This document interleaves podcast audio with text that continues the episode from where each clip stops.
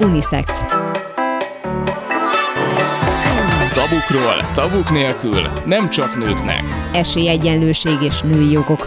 Az aktuális és örökérvényű kérdésekre szakértő vendégekkel keresi a választ a két műsorvezető, Kerekes Bori és Kovács Gellért hétfő délutánonként 2 órától. Unisex. Mindenkinek jó. Jó napot kívánok a hallgatóknak, Kerekes Bori vagyok, női jogokról, nem csak nőknek, ez az unisex alapvető küldetése, feminizmus történet, női szerepkonfliktusok, egyenjogúság, megkülönböztetés, karrierfronton, sztereotípiák, tabuk és azok ledöntése, a női test és az azzal kapcsolatos elvárások.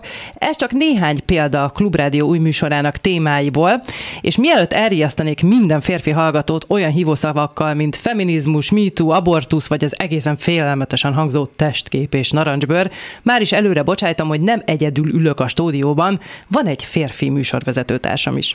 Kovács Gellértnek hívják ezt a férfi műsorvezető társat. Szervusz, üdvözlöm a kedves hallgatókat. Én egyáltalán nem ijedtem meg azoktól a szavaktól, amit az előbb itt mondtál, vagy amiket mondtál, úgyhogy szerintem van még néhány ilyen férfi, aki szintén nem rohan el az ellenkező irányba. Engem nagyon érdekel az összes téma. Egyébként azt szerinted miért van, hogy amikor a feminizmusról beszélünk, akkor még mindig az jut neked is eszedbe, hogy lehet, hogy kihúzzuk a gyufát a férfiaknál egy ilyen műsorra. Érdekes, ezen gondolkodtam, és hogy nem csak a férfiaknál. Tehát én először azt gondoltam át, amikor elkezdtük tervezgetni ezt a műsort, hogy nekem mit jelent a feminizmus, és azzal a kifejezéssel, hogy női egyenjogúság, vagy női jogok, nincsen bajom, de a feminizmustól van valami negatív érzés bennem, és ezen gondolkodtam, hogy lehet, hogy az, hogy én nem szeretnék egy csoportba tartozni, akik helyettem felszólalnak, vagy rám is rám ragadt ez a közvélemény, a közmegítélése ennek a szónak, vagy hogy valójában mi lehet, én nem tudom pontosan, de biztos, hogy valahogy nekem is vannak ilyen ellenérzéseim ezzel Félünk az izmusoktól. Lehet. Egyrésztről az, ugyanakkor meg az is van, hogy, és én azért is örülök, hogy egy ilyen műsor részese lehetek, mert őszintén szólva szerintem nem csak a női egyenjogúsággal van probléma, mármint annak a a hiányával, vagy azzal, hogy ez igazából még nem valósult meg nagyon sok téren, hanem a férfiaknál is. Tehát a, a férfiak viszonyulása, meg egyébként a nők viszonyulása is a férfiakhoz nagyon sokszor hoz belőlem elő feszültséget. Egyszerűen azért, mert én egy olyan 44 éves heteroszexuális magyar férfi vagyok, aki soha életében nem érdekelt a foci egyáltalán, semmilyen közlekedés technikával kapcsolatos dologgal nem lehet lázba hozni, sem autóval, autóval, sem motorral, biciklivel nagyjából igen, de az egy kivétel. Szóval én nem vagyok tipikus férfi.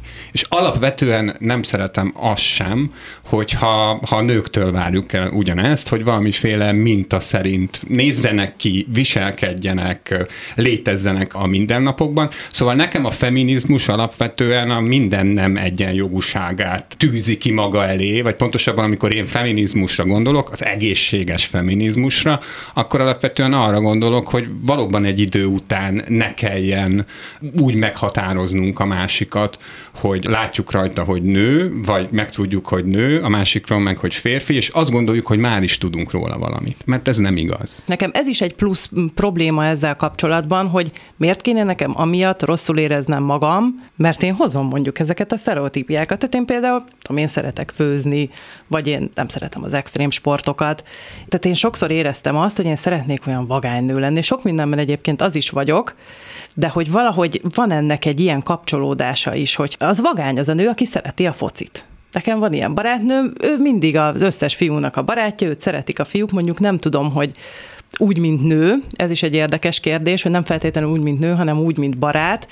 Tehát nekem sokszor a sztereotípiákkal sincsen problémám. Miért baj az, hogyha ha valaki szereti azt, amit mondjuk általában szeretnek a nők? Hát a sztereotípiákkal szerintem azoknak van baja, akikre nem illik. Ugyanakkor meg a sztereotípiák véleményem szerint még azon túl is veszélyesek, mert lehet, hogy te azzal megfelelsz a sztereotípiának, hogy szeretsz főzni, de te nem azért szeretsz főzni, mert a jó asszony jó főz, ha, hanem nem, azért, nem. mert főzni klassz dolog.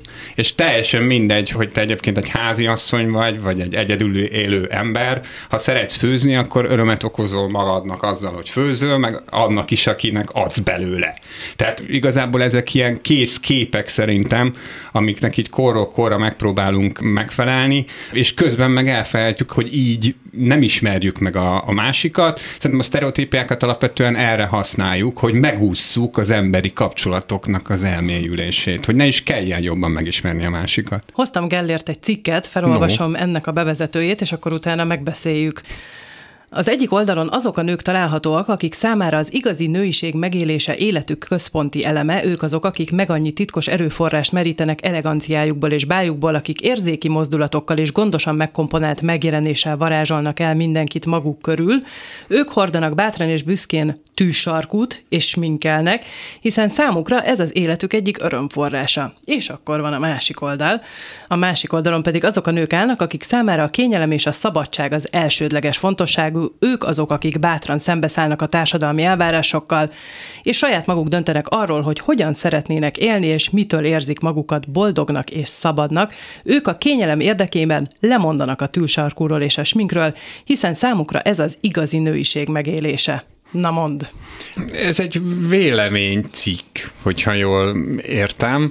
Az újságíró gomb nyomódott be bennem, amikor hallgattam, meg ugye hát én is olvastam azért, előtte ezt elárulhatjuk. Szóval, hogy nem is finom eszközökkel van manipulálva a kedves olvasó. A tűsarkú, mint a bátorság szimbóluma. A cikkhez olyan illusztrációt raktak be, az egyik képen estébe beöltözött valóban tűsarkú cipőt hordó lányok feszítenek, a második képen pedig eh, talán éppen járdára lerogyott, talán kockásinges nő, aki könnyékig benne van egy chipses zacskóban, tehát nagyjából ezen a színvonalon zajlik az illusztráció, mint hogy a, a cikk is. Én azt hiszem, hogy egyébként az ilyen cikkeknél az lehet a, a végső motor, hogy egyrészt gyerekek rakjatok ki valamit, amire majd kattintanak, legyen benne egy-két nagyon erős állítás a férfiakról, vagy a nőkről, vagy mindkettőről, kirakjuk a közösségi média felületre, és akkor majd vitatkoznak, és nagy lesz a, az elérés. De egyébként ez az üzenet, hogy, hogy vannak a nőies nők, meg vannak azok a nők, akik nem nőiesek, mert nekik fontosabb a szabadság. Ez egy eh, létező narratíva már, mint hogy ezt sokan mondogatják. Szerintem a sztereotípiákat erősíti. Amióta nekem is megvannak a gyerekeim, azóta tűsarkút nem hordok, de én abszolút ez a sminkelős, meg magas sarkús, meg kiöltözős típus vagyok. Én emlékszem is arra, hogy amikor megszületett a kisfiam, én ezt be is vállalom, hogy ilyen nagyon szomorúan mondanám, hogy könybelábat szemmel elraktam ezeket a cipőimet, meg a karikafülbevalóimat, meg minden, és úgy éreztem, hogy akkor én most elbúcsúzom saját magamtól.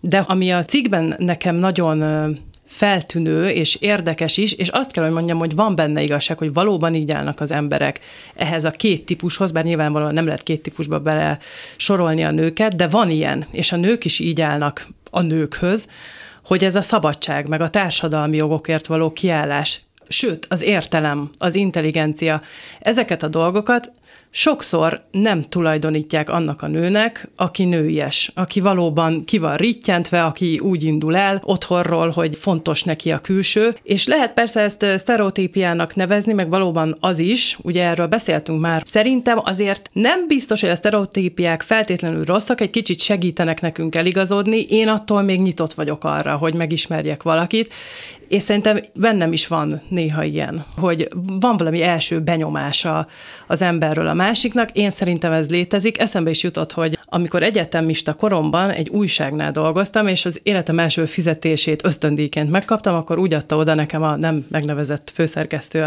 az első fizetésemet, hogy ledobta az asztalra a pénzt, és azt mondta, hogy na, nem is vagy olyan hülye, mint ami ennek látszol. Benned soha nincsen semmi ilyen úgymond előítélet? egy nő külsej alapján, vagy akár egy férfi? Engem bosszantanak, mint ahogy ez a cikk is bosszant. Tehát, hogy alapvetően az arhetipusok, meg a sztereotípiák, én azt érzem, hogy a művészetekben könnyen használhatóak, éppen azért, mert az emberek ismerik őket. És egy, egy figurát, ha ilyen sztereotíp tulajdonságokkal ruháznak föl, akkor érdekesé lehet tenni, hogy hogyan lép ki ebből a sztereotípiából. Te, amikor nem hordasz tűsarkut, meg nem sminkeled magad, meg...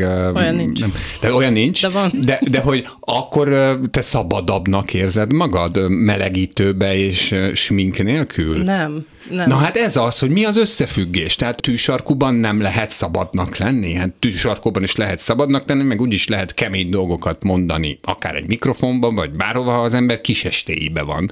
De ez teljesen mindegy. Esztétikai benyomásról beszélünk, amit felesleges összemosni a szellemi adottságokkal. Felesleges, de mégiscsak összemosság. Hát igen, mert hogy sok évtizedes, évszázados előítéletek, társadalmi berendezkedés, és így tovább, ezek miatt van ez szerintem alapvetően.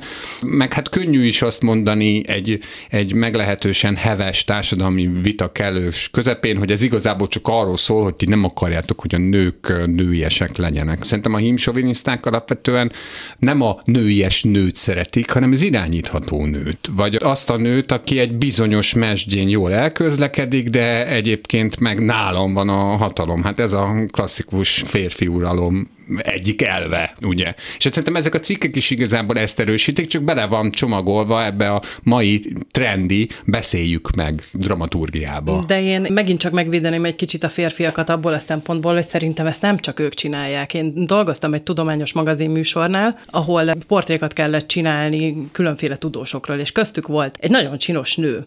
És az összes szerkesztő kollégám fújt rá, de nagyon, hogy ez biztosan, hát én ezzel nem csinálok, stb. stb és én, én csináltam meg vele, sminkelt, nagyon szép volt, és nagyon okos volt. Tehát én szerintem ez ugyanúgy megvan a nőkben. Most nyilván ez megint csak általánosítás, amit Mármint, mondok. hogy sztereotíp módon gondolkodnak? Igen, vagy, vagy mondjuk elítélnek egy másik nőt azért, hogy ő biztosan nem okos, mert jól néz ki, vagy mert ad Biztos, magára. hogy van ilyen, de én változatlanul azt gondolom, hogy ennek sokkal inkább van köze a jellemünkhöz, mint bármi máshoz. Azért a feminizmusnak egy komoly történeti háttere is van, nyilvánvalóan sok szakértő is foglalkozik ezzel, sőt, nagyon sok korszaka is van.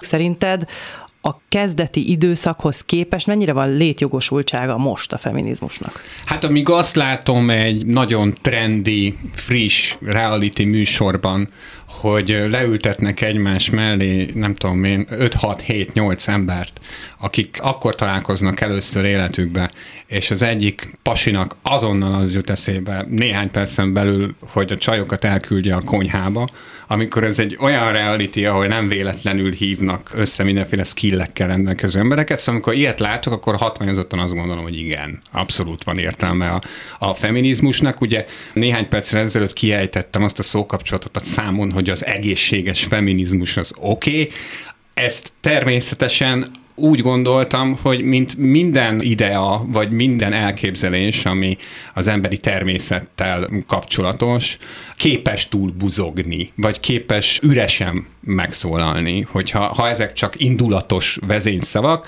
tehát, hogyha a feminizmus valami ellen fogalmazza meg magát, akkor szerintem egészségtelen, ha valami mellett, a párbeszéd mellett, akkor viszont egészséges. Az unisex adásainak ugye az is a küldetése, hogy a feminizmus történetet bemutassuk egészen a kezdetektől mostanáig. Most nézzük a legelejét, hogyan indult el ez az egész történet. Acsádi Judittal a Társadalom Tudományi Kutatóközpont Szociológiai Intézetének tudományos főmunkatársával beszélgetünk. Jó napot kívánok, Judit! Jó, Jó napot kívánok! Ugye a feminizmus legelső időszakáról lesz most szó, sőt inkább az előszeléről. Ugye a többségünk többnyire a 20. századra teszi ugye a feminizmusnak a kezdetét, de valójában mikor indult el? Mi volt az előszele? Mindenképpen a nő emancipációs törekvéseket nevezném meg, ezeknek a kezdete tulajdonképpen egészen a 18. század végéig megy vissza. Hozzátenném, hogy amikor a nő emancipációról és feminizmusról beszélünk, akkor nagyon fontos megemlítenünk a modernizációt, hiszen annak a társadalmi következményeiként jelennek meg a nőmozgalmak és a törekvések hiszen egy olyan ellentmondásba ütközik a európai politikai gondolkodásnak a története, hogy a nagy francia forradalom vívmányaként ugye elkívánják törölni a születési előjogokat, amit sok tekintetben meg is tesznek majd későbbiek során, de a születési előjogok eltörlése a társadalmi osztályok között nem történt ezzel egy időben a nemek közötti különbségnek a megszüntetése, vagyis attól, hogyha valaki nőnek vagy férfinak született, ugyanúgy megmaradt egy születési előjog, illetve egy hátrány. Tehát Na, ugye sokáig a férfiaknak el, sem volt eh, hogy mindenkinek joga, ugye például szavazati így, joga. Így van, és ugye pont ezt kívánja a modernizáció kapcsán a liberális szellem és a egyenjogúságot, a politikai előjogoknak az eltörlését kívánó mozgalmak. Itt következik az az ellentmondás, hogyha mindenki a törvény előtt egyenlő, akkor miért marad valaki a nem emiatt hátrányban. Tehát, hogy nem önmagában csattant ez ki, hogy valaki a hasára ütött, hogy na most jogokat kérek, hanem ez velejárója egy politikai, filozófiai, történelmi folyamatnak.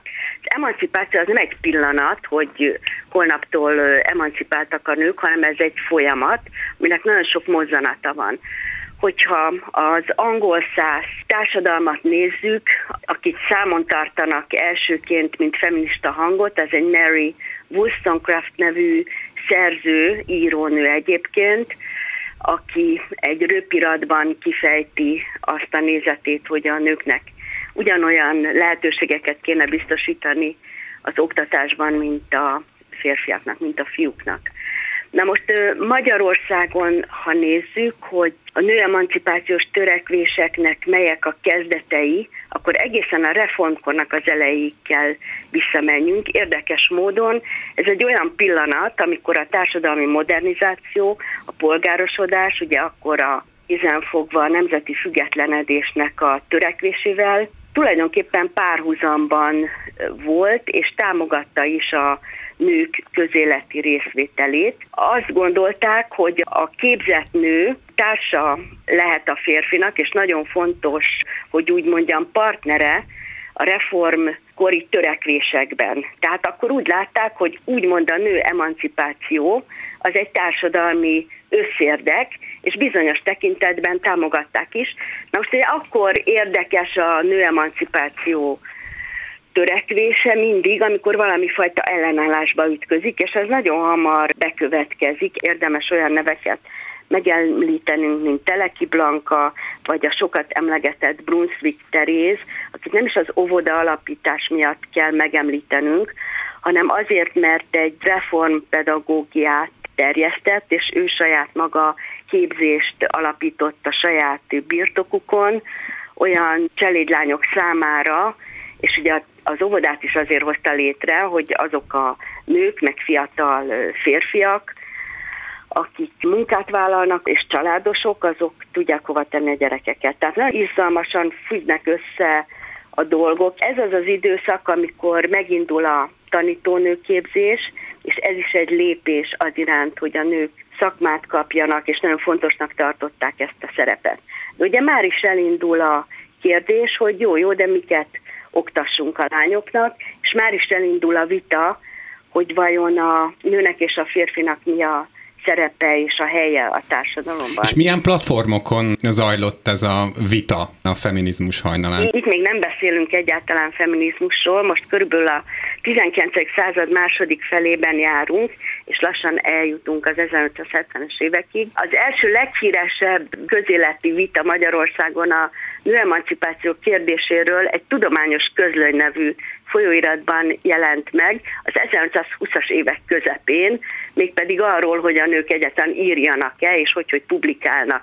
Ez egy nagyon izgalmas vita volt, a kornak a jelentős írói is hozzászóltak. A következő ilyen platform a Nemzeti Nőnevelés című folyóirat, ez is az 1870-es években indul, és mindenképp meg kell említenünk Benicki Hermin nevét, akit ugye Verespálnéként ismerünk, pedig ő Beniszki Herminként adta ki a petícióit, és ugye platformokat kérdez, a korabeli napilapok hozták le az ő felhívását a nőkhöz, hiszen ő is a nők képzésének a kiterjesztéséért szársikra, és ő tulajdonképpen már az, akit hívhatunk a feminizmus előzményének Magyarországon, olyannyira, hogy azok, akik a aztán a századfordulón valóban feministának nevezték magukat, ők mindenképpen elődjüknek tekintették Beniszki Hermint. Judit, nagyon szépen köszönjük, akkor ezen a ponton folytatjuk Első, majd tovább a következő adásban. Igen. Köszönjük szépen, hogy itt volt velünk. Köszönjük szépen. Igen. Minden jót.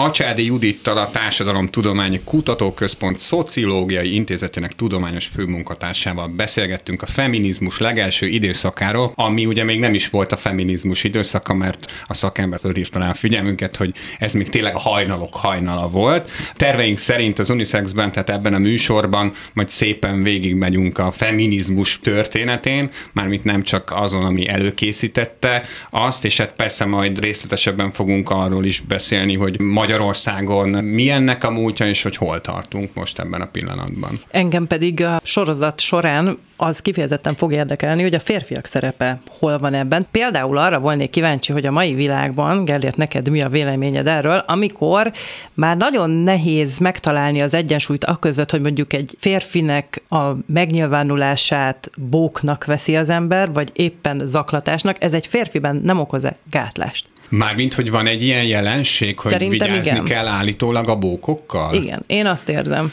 Én meg azt érzem, hogy a bókot az bóknak is veszik, ha nem, akkor lehet arról beszélgetni, hogy miért nem vették bóknak. Tehát szerintem nem ciki rákérdezni, hogy én most téged ezzel megbántottalak, vagy én most mondtam valami olyat, ami érzékeny neked.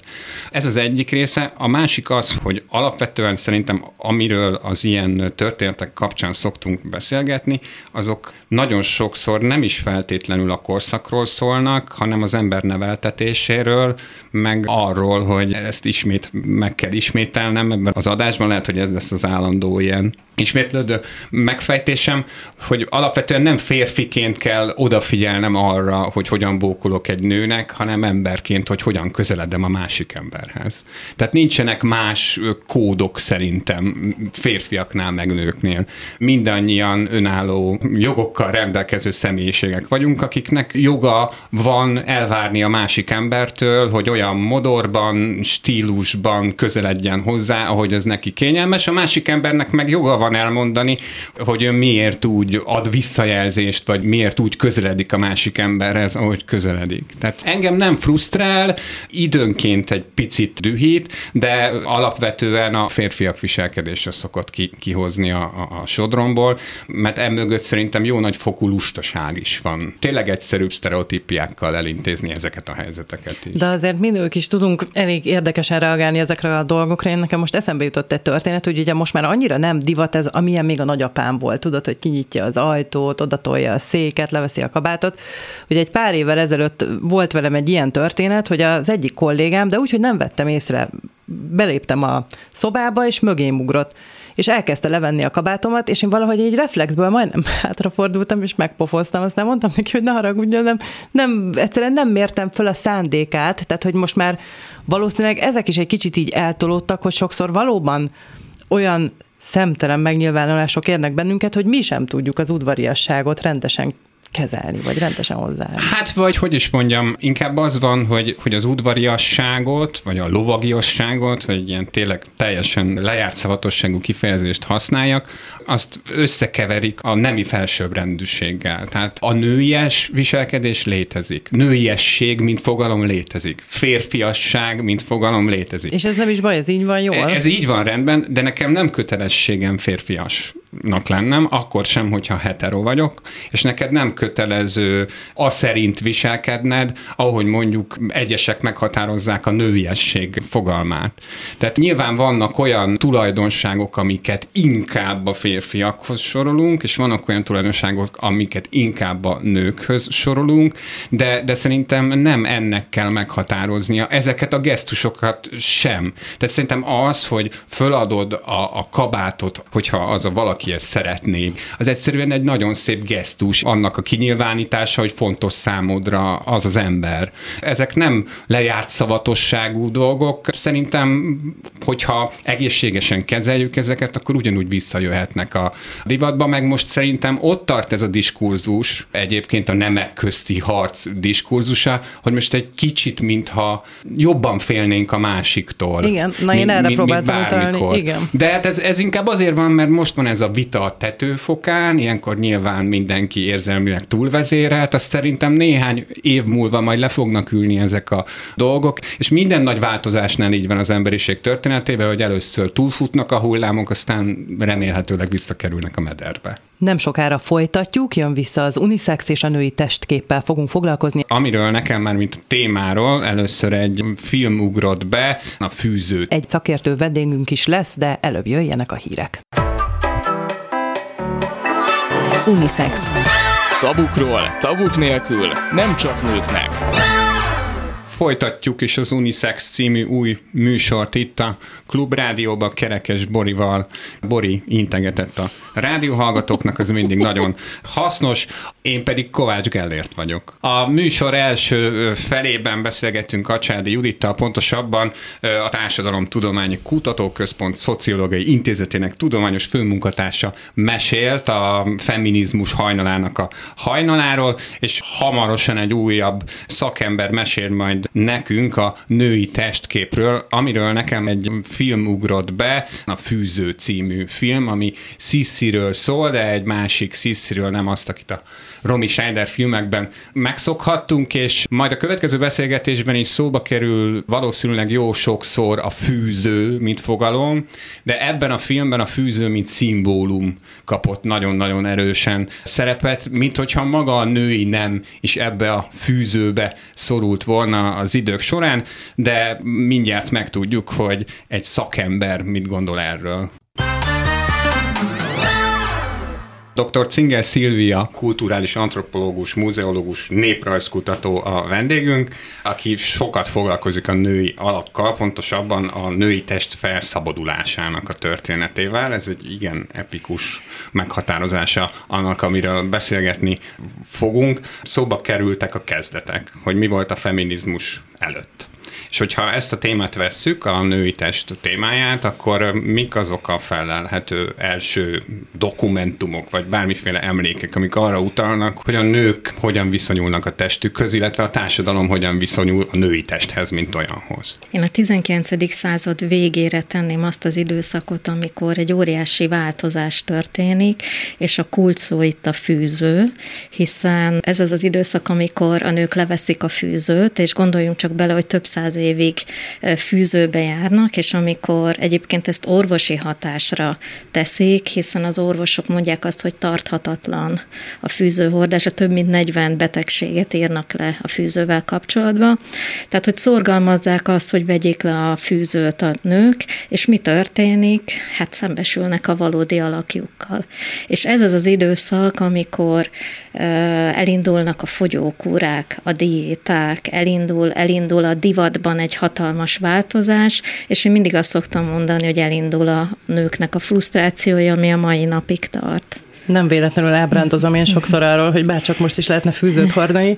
Ez lehetett volna szerinted másképp? Alakulhatott volna másképp, hogy gyakorlatilag a nők felszabadulása egy még nagyobb börtönbe vezetett, amiben azt hiszem, hogy a mai napig benne vagyunk, vagy talán egyre jobban belekerülünk.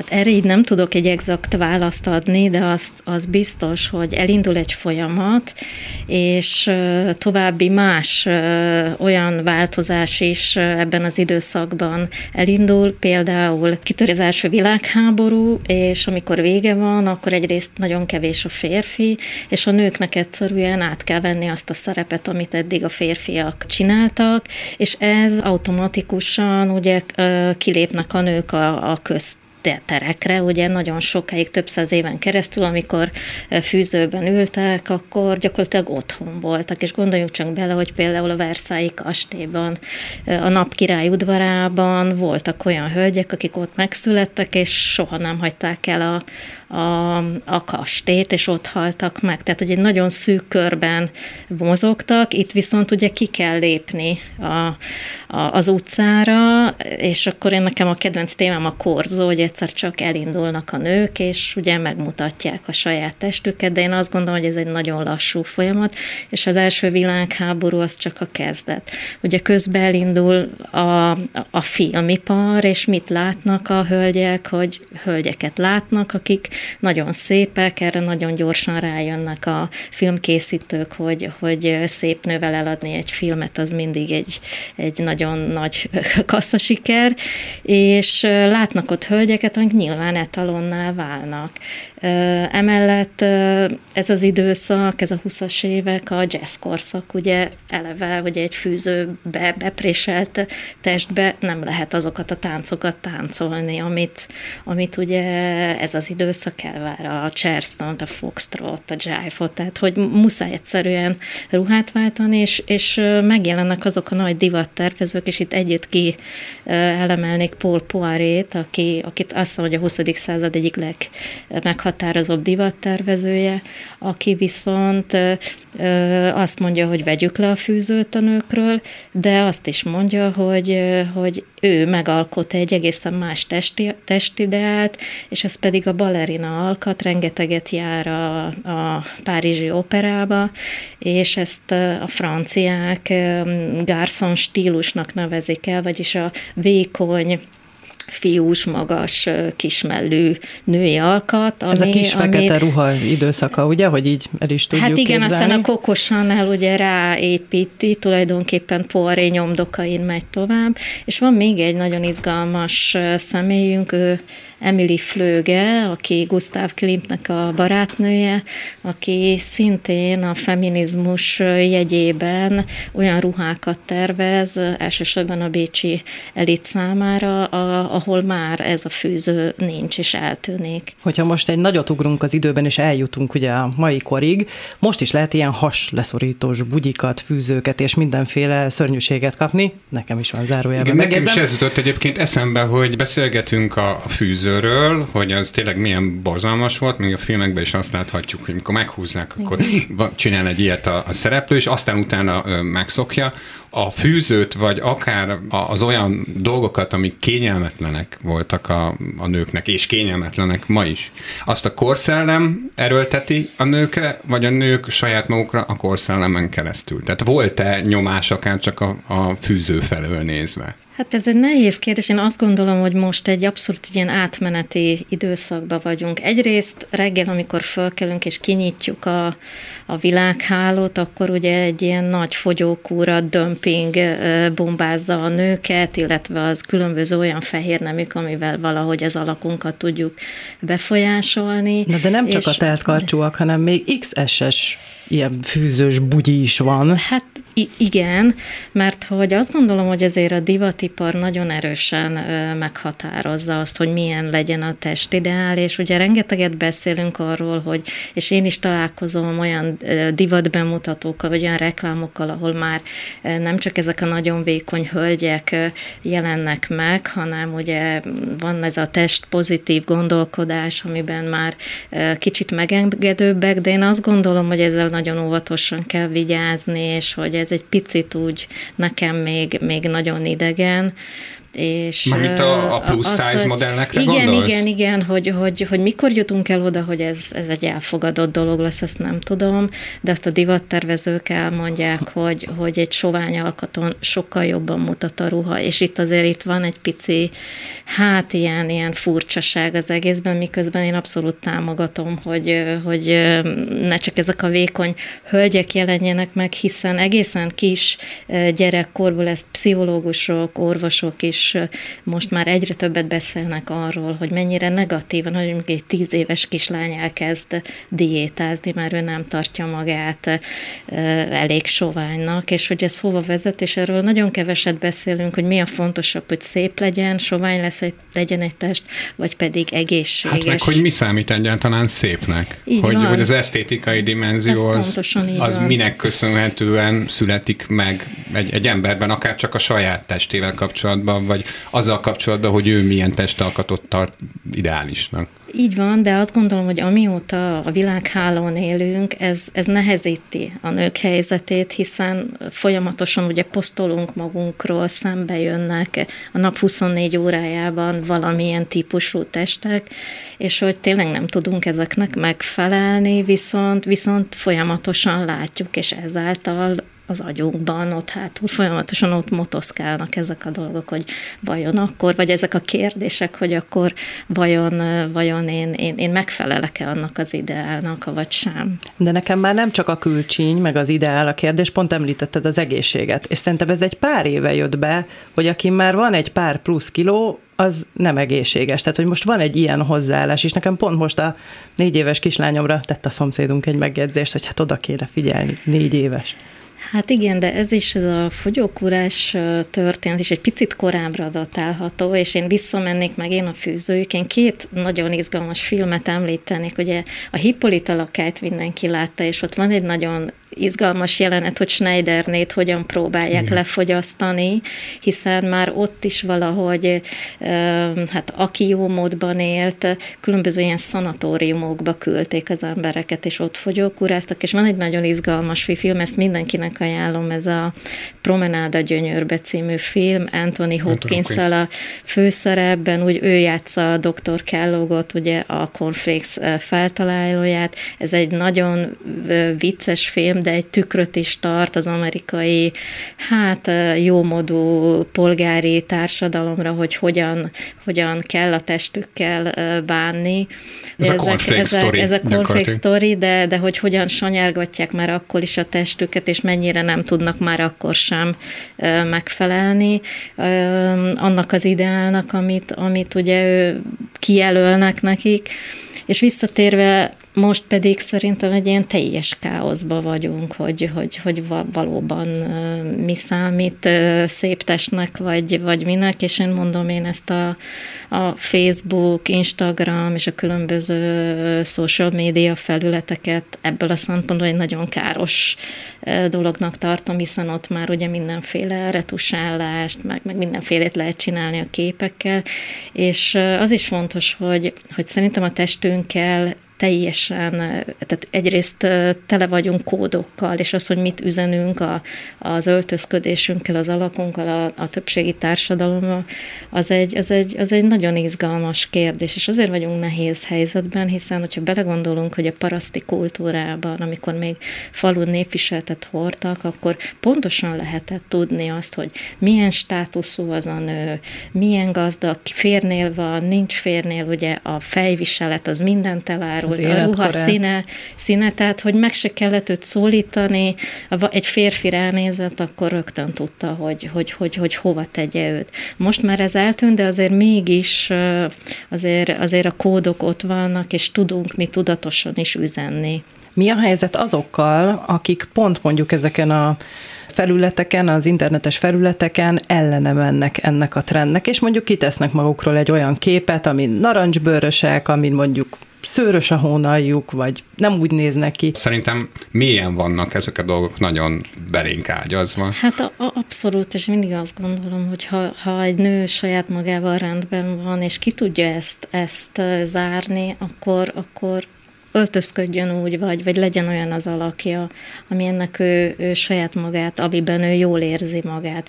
Most ugye nagy divat a, például a, az őszhaj, és egyre több nő hagyja, nem festi be, és hogy ez is egy ilyen megítélés kérdése, hogy akkor most ez jó vagy nem jó, és hogy szerintem ezzel az őszhaj divattal, ezzel egy nagyon izgalmas kapu nyílt ki, vagy a női testtel kapcsolatban, ami nekem egy nagy kérdés, hogy azért a testtel, de ugye ez nem csak a női, hanem a férfiak is ugyanígy, azért, azért van egy szexualitás is, és hogy ez egy nagyon fontos dolog, és hogy a pszichológusok is azt mondják, hogy azért, azért a partnerünknek valahogy vagy, vagy vonzóvá kell tenni magunk, és hogyha ott van egy jó párkapcsolat szerintem, akkor, akkor ezeket ki lehet zárni. Én azt érzékelem viszont, hogy hogy, hogy nincsenek, vagy sok kapcsolat nincs rendben, és ettől sokkal egyszerűbb fölmenni mondjuk egy társkeresőre, és az is izgalmas, hogy egy társkeresőn hogyan pozícionáljuk magunkat, és mit, milyen képet teszünk föl magunkról, és hogy mondjuk akár milyen csalódás érheti azt, aki mondjuk személyesen találkozik a másikkal, és nem azt kapja, amit, amit ugye a képen közvetített. De például ez is érdekes, hogy említetted ezt az őszhajat, hogy ez valóban őszhaj, mert én sokszor azt látom, tehát nem az öregedésnek az őszhaja ez, hanem ezek gyönyörű, szépen befestett őszhajak. Tehát, hogy itt sem a valóságot mutatjuk. Igen, igen. Tehát, hogy fodrászokat kell megkérdezni, hogy micsoda fehér hajőrület bontakozik ki, és hogy tényleg fiatalok is befestük a hajukat.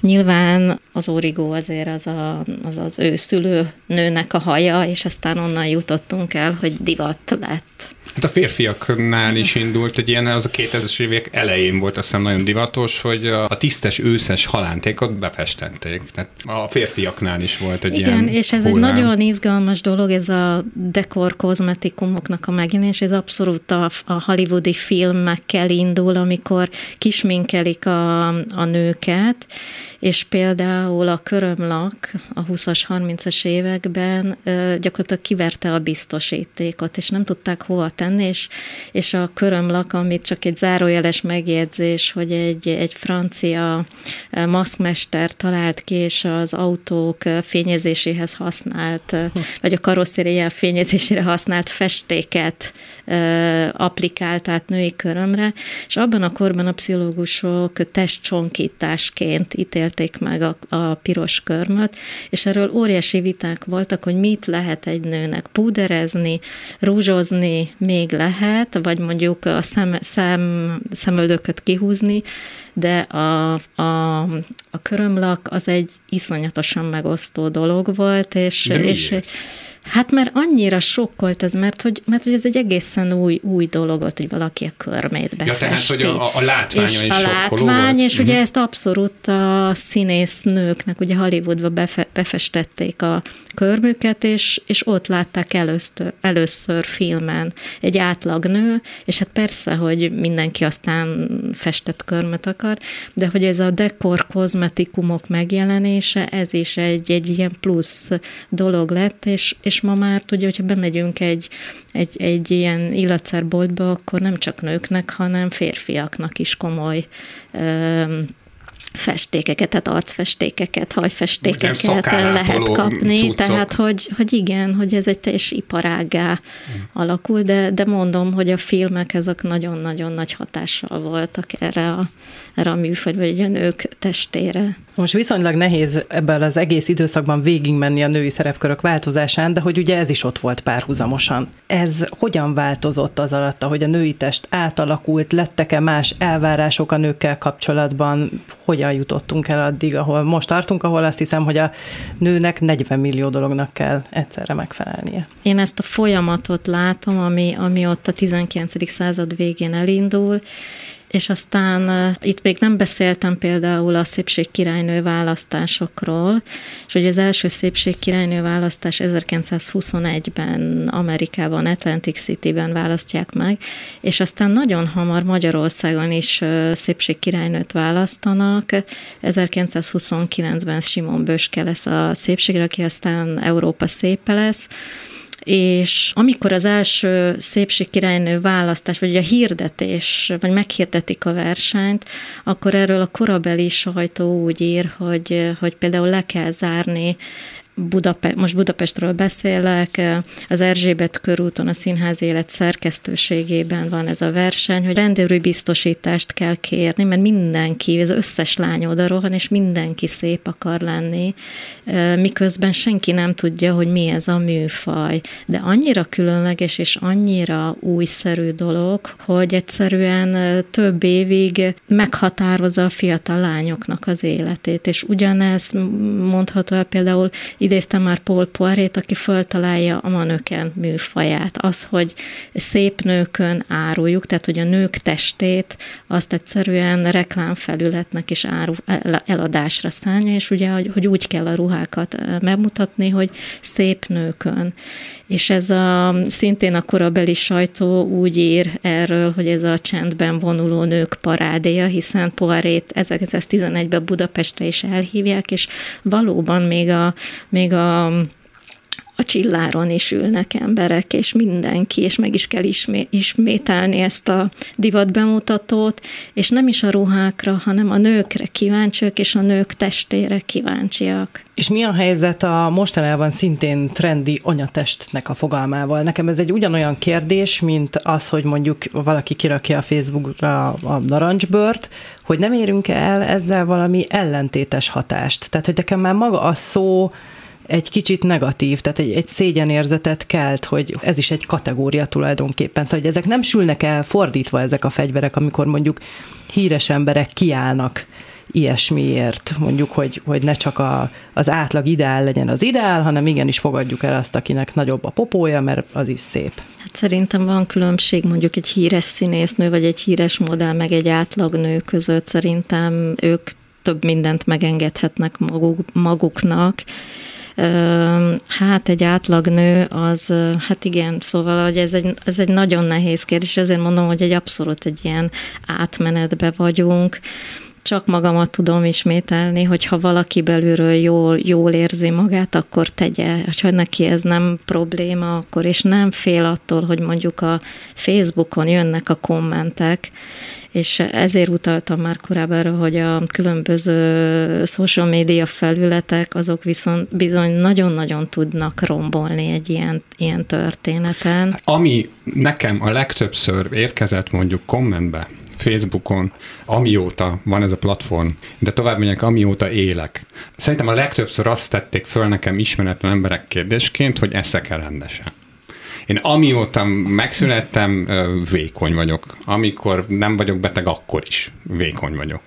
Tehát én úgy érzem, hogy alapvetően ott, ott van a probléma, és ez nem feltétlenül nem specifikus dolog, hanem emberiség specifikus, uh-huh. hogy mégiscsak a külseje révén ítéljük meg a másik embert. És vannak olyan divathullámok, amikor éppen a, a vékony embereket pécézzük ki magunknak, vagy pontosabban vannak olyan emberek, akik a vékony embereket pécézik ki magunkat, és vannak olyanok, akik meg a, a testesebb embereket. A férfiakra az idők során hogy mondjam, telepedett hasonló nyomás, mint a nőkre a saját testképükkel kapcsolatban, vagy a, az ideális férfival kapcsolatban? Hát ennyire nem, hiszen ők nem voltak befűzve, tehát hogy gyakorlatilag olyan volt a, a divat, vagy... Tehát ők diktáltak tulajdonképpen ebben is. Ö, Hát olyan értelemben diktáltak, hogy mondjuk egy jó módú fiatal lánynak egyetlen életcélja volt, hogy férhez menjen. Nem kellett dolgoznia, a szülők kinézték neki a partnert, vagy esetleg levette a fűzőjét, végigment a, a korzon, és esetleg a jó parti ott állt. Természetesen nem egyedül ment hanem kísérte az anyukája, vagy legalábbis valamilyen női, női rokona. És hát Persze, tehát hogy a férfiak ebből nem Hát a felállás nem az az ki. volt, hogy a csaj nézzen ki jól, a hapsi meg úgy néz ki, hogy kinéz tök mindegy.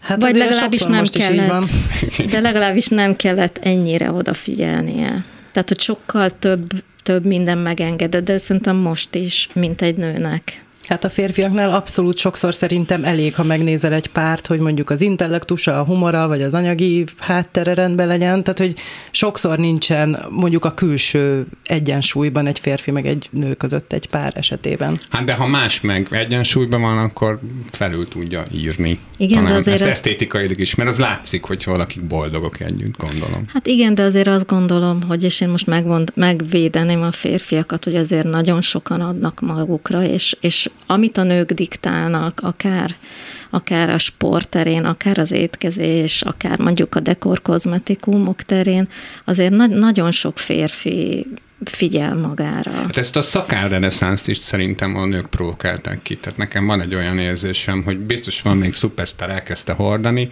meg csillogott a szőre, és aztán utána kellett ez más. Én meg azt gondolom, hogy így nem látszik egy férfiról, hogyha csúnya, és nekik legalább itt van ez a lehetőség. Nagyon sokat lehetné még erről beszélni. Dr. Cingel Szilvia, kulturális antropológusnak nagyon szépen köszönjük, hogy itt volt. Köszönjük velem. szépen. Köszönöm. Ennyi fért már az Unisex műsorába, jövő héten hasonlóan érdekes témákkal várjuk a kedves hallgatókat, de ezt az adásunkat is hallgassák vissza a Klubrádió weboldalán, vagy a főbb podcast megosztó felületeken. Én nagyon szépen köszönöm a figyelmet. Én is köszönöm szépen a figyelmet, meg köszönöm, Bori, hogy együtt csinálhatunk egy műsort, és valóban nagyjából erre a hangulatra, erre a tónusra készüljenek majd föl a kedves hallgatók, hogyha az Unisexet hallgatják. Kerekes Borit és Kovács Gellértet hallhatták. Minden jót, találkozunk jövő héten. Unisex. Tabukról, tabuk nélkül, nem csak nőknek. Unisex.